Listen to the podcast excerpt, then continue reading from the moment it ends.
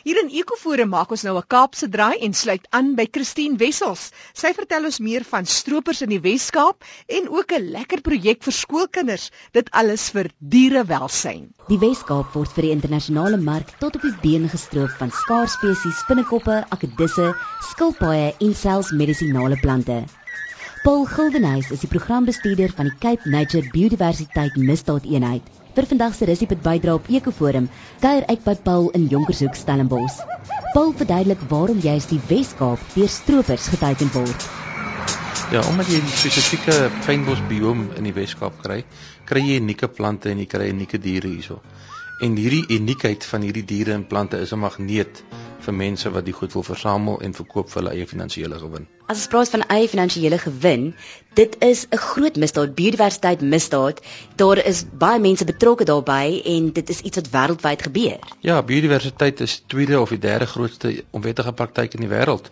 Daar's baie mense wat beweer dat slegs die onwettige dwelmhandel dit oortref en die nie die pryse wat ek het van die US Fish and Wildlife sê dis 20 miljard US dollar werd per jaar. En sy sê nou net vir my genoem het as daar byvoorbeeld 'n persoon is wat skilpaaie versamel of 'n sekere tipe insek versamel, wil hulle baie graag ook die spesies hê wat voorkom in Suid-Afrika om daardie versameling te voltooi. Ja. Ja, dit is een van die dinge, die byvoorbeeld die mense wat die kewer, die groot kaakkewers versamel het. Colophon beetles in Engels. Ehm um, die versameling daarvan was bloot eenvoudig omdat die dit net hier in Suid-Afrika voorkom en die mense wat die kewers versamel kan dit net hier kry en dis hoekom hulle ook baie gesog is. So ja, dit is een van die goed. Die ander is eenvoudig net vir die troeteldiermark en vir eie finansiële gewin. Waarheen gaan meeste van ons fauna en flora spesifiek van die Wes-Kaap waantoe word dit versprei? Wie is die mark? Wie koop dit? Al die mense wat hierin betrokke is is is baie uh goed ingerig en goed goeie kanale om hulle goed uit te stuur die land uit. Uh, meeste van die oorseese mense wat ons gevang is is deel van syndikaate wat gevestigde roetes gebruik. Hulle gebruik koerierdienste, die poskantoor om pakkies te pos. Hulle gebruik individue wat goed op hulle lywe versteek wat soos wat soos by uh, met dwelms wat hulle op hulle lywe vasmaak en die vliegtye gaan. Hulle gebruik al hierdie metodes. Wat hulle ook gebruik is is, is hulle smokkel dit na 'n plek toe waar hulle kan permitte kry vir die goed en dan doen hulle aansoek vir permitte daarvoor en gebruik hulle daai permitte om die goed verder in die wêreld te versprei.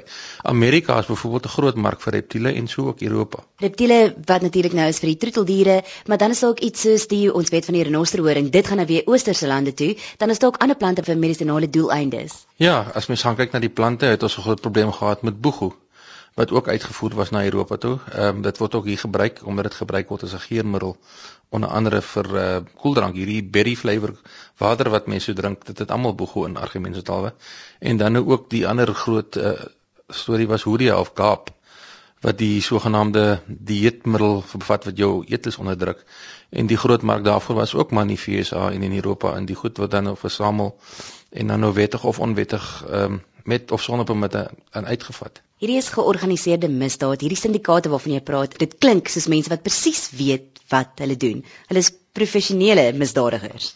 Ja, nee, dit is presies mense weet wat hulle doen. Hulle weet wat se tyd om van die jaar om te kom.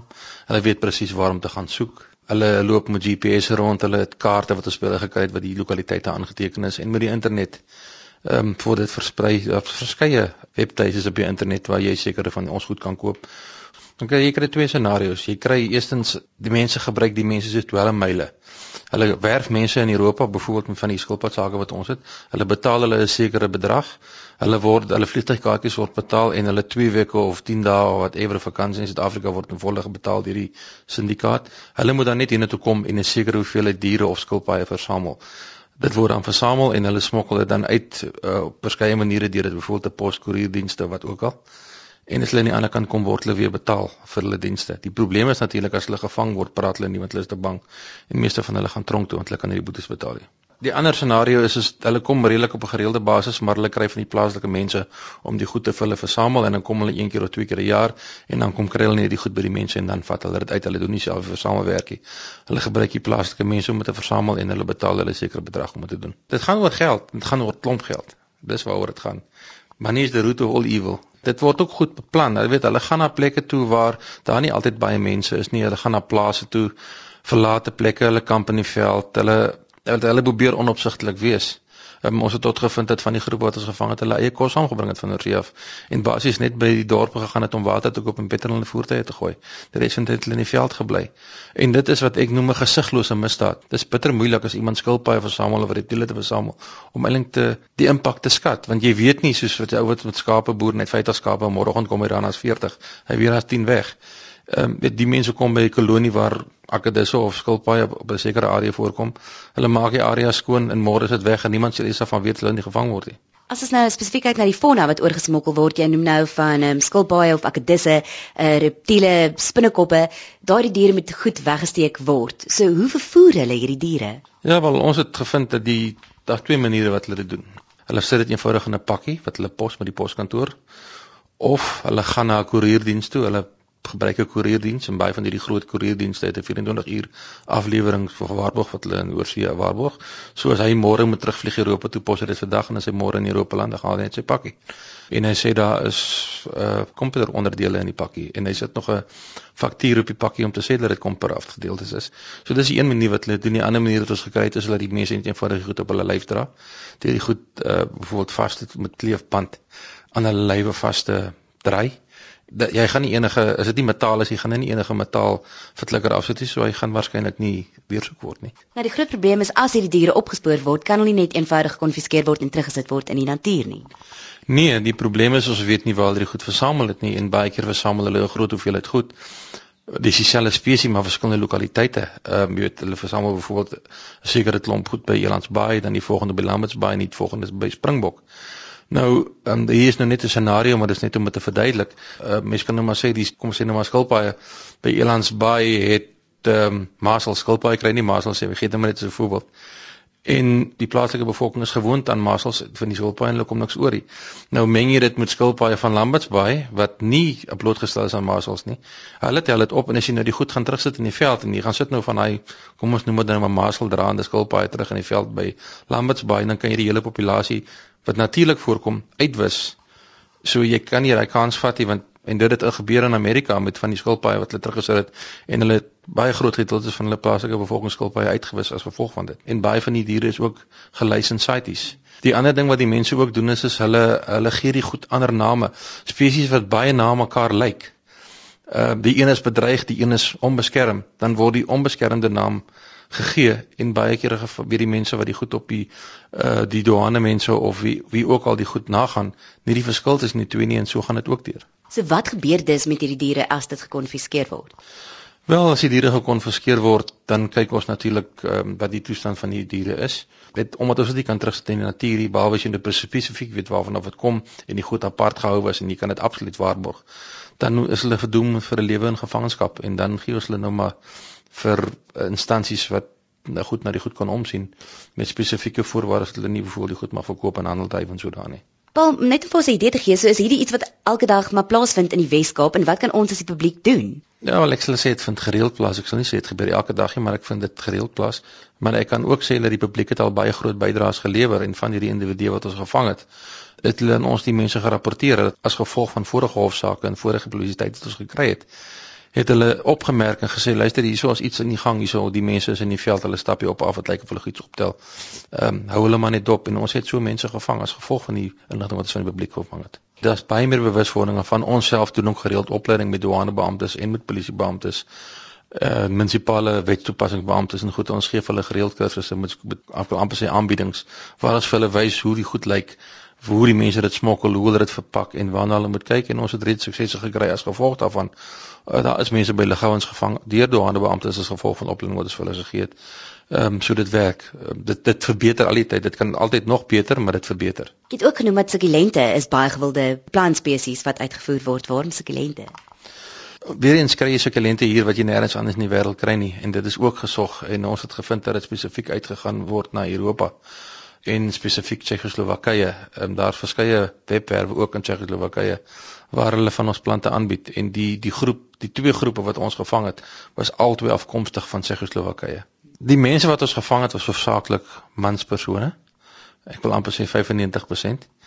Maar as ons nou gaan na van die die, die voorsake en van die mense wat ons gevang het met olifantie voor, was daar ook vrouens wat ons gevang het met die ooi voor wat hulle vervoer het want hulle probeer alles. As die mans gevang word, dan probeer hulle vandag môre 'n vrou kyk of sy gevang word as hy deurkom, maar gaan ons nou weer. So het hulle probeer, dit gaan oor geld. As iemand bereid is om iets te doen vir geld.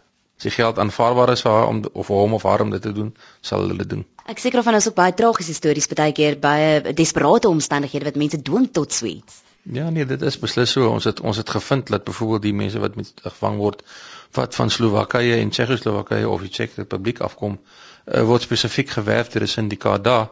En hulle teiken mense wat nie wel af is nie. En 500 euro wat die mense wat daai een groep voor betaal was is vir hulle ek wou amper sê 'n jaar se geld. En as hy nog terugkom en hy kry nog 500 euro dan is dit 1000 euro. So ja nee hulle teiken beslis daai mense en die mense weet wat hulle doen maar hulle omstandighede dwing hulle eintlik seker nou maar na toe alhoewel dit nog steeds verkeerd is die tragiese verhaal daarvan ook is dat baie van die goed dit nie maak nie. Byvoorbeeld die US Humane Society het navorsing gedoen oor reptiele wat in die natuur versamel is. En hulle het gevind dat 90% van die reptiele sal doodgaan binne die eerste jaar in gevangenskap. Maar dis is om tropiese visse aan te hou. Ehm um, bedoel jy koop gedurig want hulle vrek gedurig en dis maar net 'n 'n sneeubal effek. Jy weet jy koop almekaar omdat jy almekaar wil hê en dis hoe hulle opereer. As ons kyk na die voorhandel, dit is baie in die nuus renosters, renosters wat gestroop word, maar ivoor is nog steeds 'n baie gro groot probleem. Ek dink ons 'n bietjie daarvan vergeet as gevolg van die fokus op renosters. Ja, nee, ons sien definitief van in die Weskaap van 2008 af is daar 'n groot uh, toename in die voorgevalle.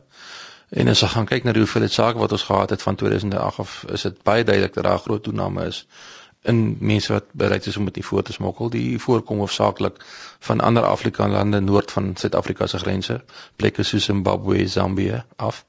En hulle gebruik maar net die Wes-Kaap se goeie infrastruktuur, eh, paaie, lughawens, hawens om die goed uit te smokkel. En en die goed is klomp geld werd Wel, jy het 'n paar nare ondervindings gehad die afgelope paar jaar met byvoorbeeld ehm um, renosters wat gestroop is, hulle horings wat uitgekap is, jy wat self op daai misdaadtonele was, dit gesien het. Maar as ons kyk na iets soos ivoor, is dit dieselfde tipe scenario word die diere ook doodgemaak?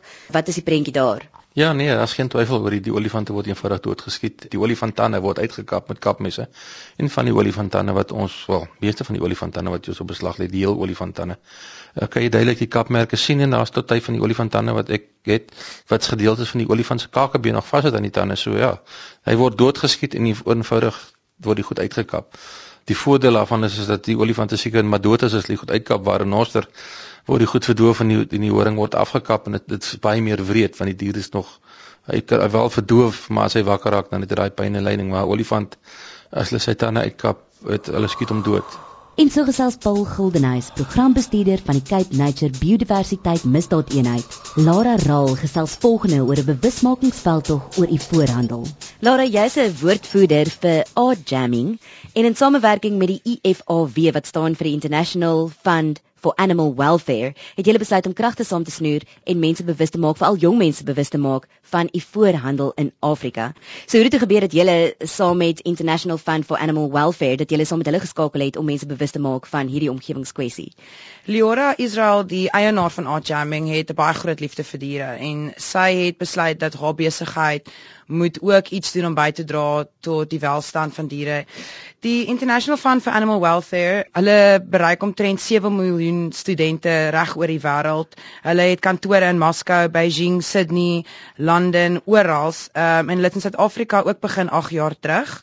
Um, en nou begin hulle met 'n nuwe jeugprogram wat ons gaan bekendstel by ons Jamming geleentheid. En dit is dan die Animal Action Kids Club. So hulle wil ook hê dat jong mense al kinders al betrokke raak by omgewingskwessies, moet bewus raak van wat gebeur uh, wêreldwyd as mens kyk ten opsigte van diereregte byvoorbeeld. So julle gaan dus by Cavendish Square winkelsentrum wees in Kaapstad en dit is op die 11de Julie. So vertel ons gou wat gaan daardie dag gebeur? Okay, die twee dae wat ons gaan hê is die 11de Julie en die 12de Julie. Op die 11de Julie kan enige kind tussen die ouderdom van 5 en 12 kan kom en hulle kan verniet kom verf. Hulle self kom geniet uh, van 10:00 die oggend af tot 4:00 die middag. Dan die 12de Julie gaan ons 'n hele paar bekendes hê, maar ek gaan nou nie van hulle name weggee nie en ook kinders van die Reach for a Dream program.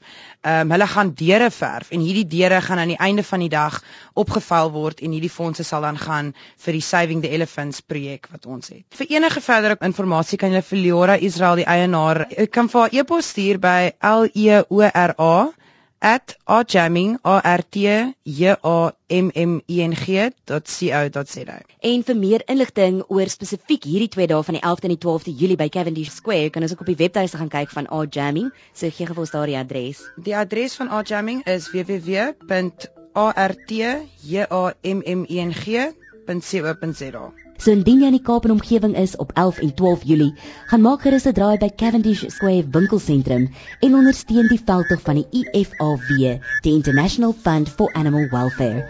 Ek het gesels met Lara Raal, woordvoerder van Art Jamming. En dit was Christine Wessels wat vir ons hierdie bydrae versorg het. Net gou weer daai webtuiste gemaak 'n draai by www.artjamming.co.za.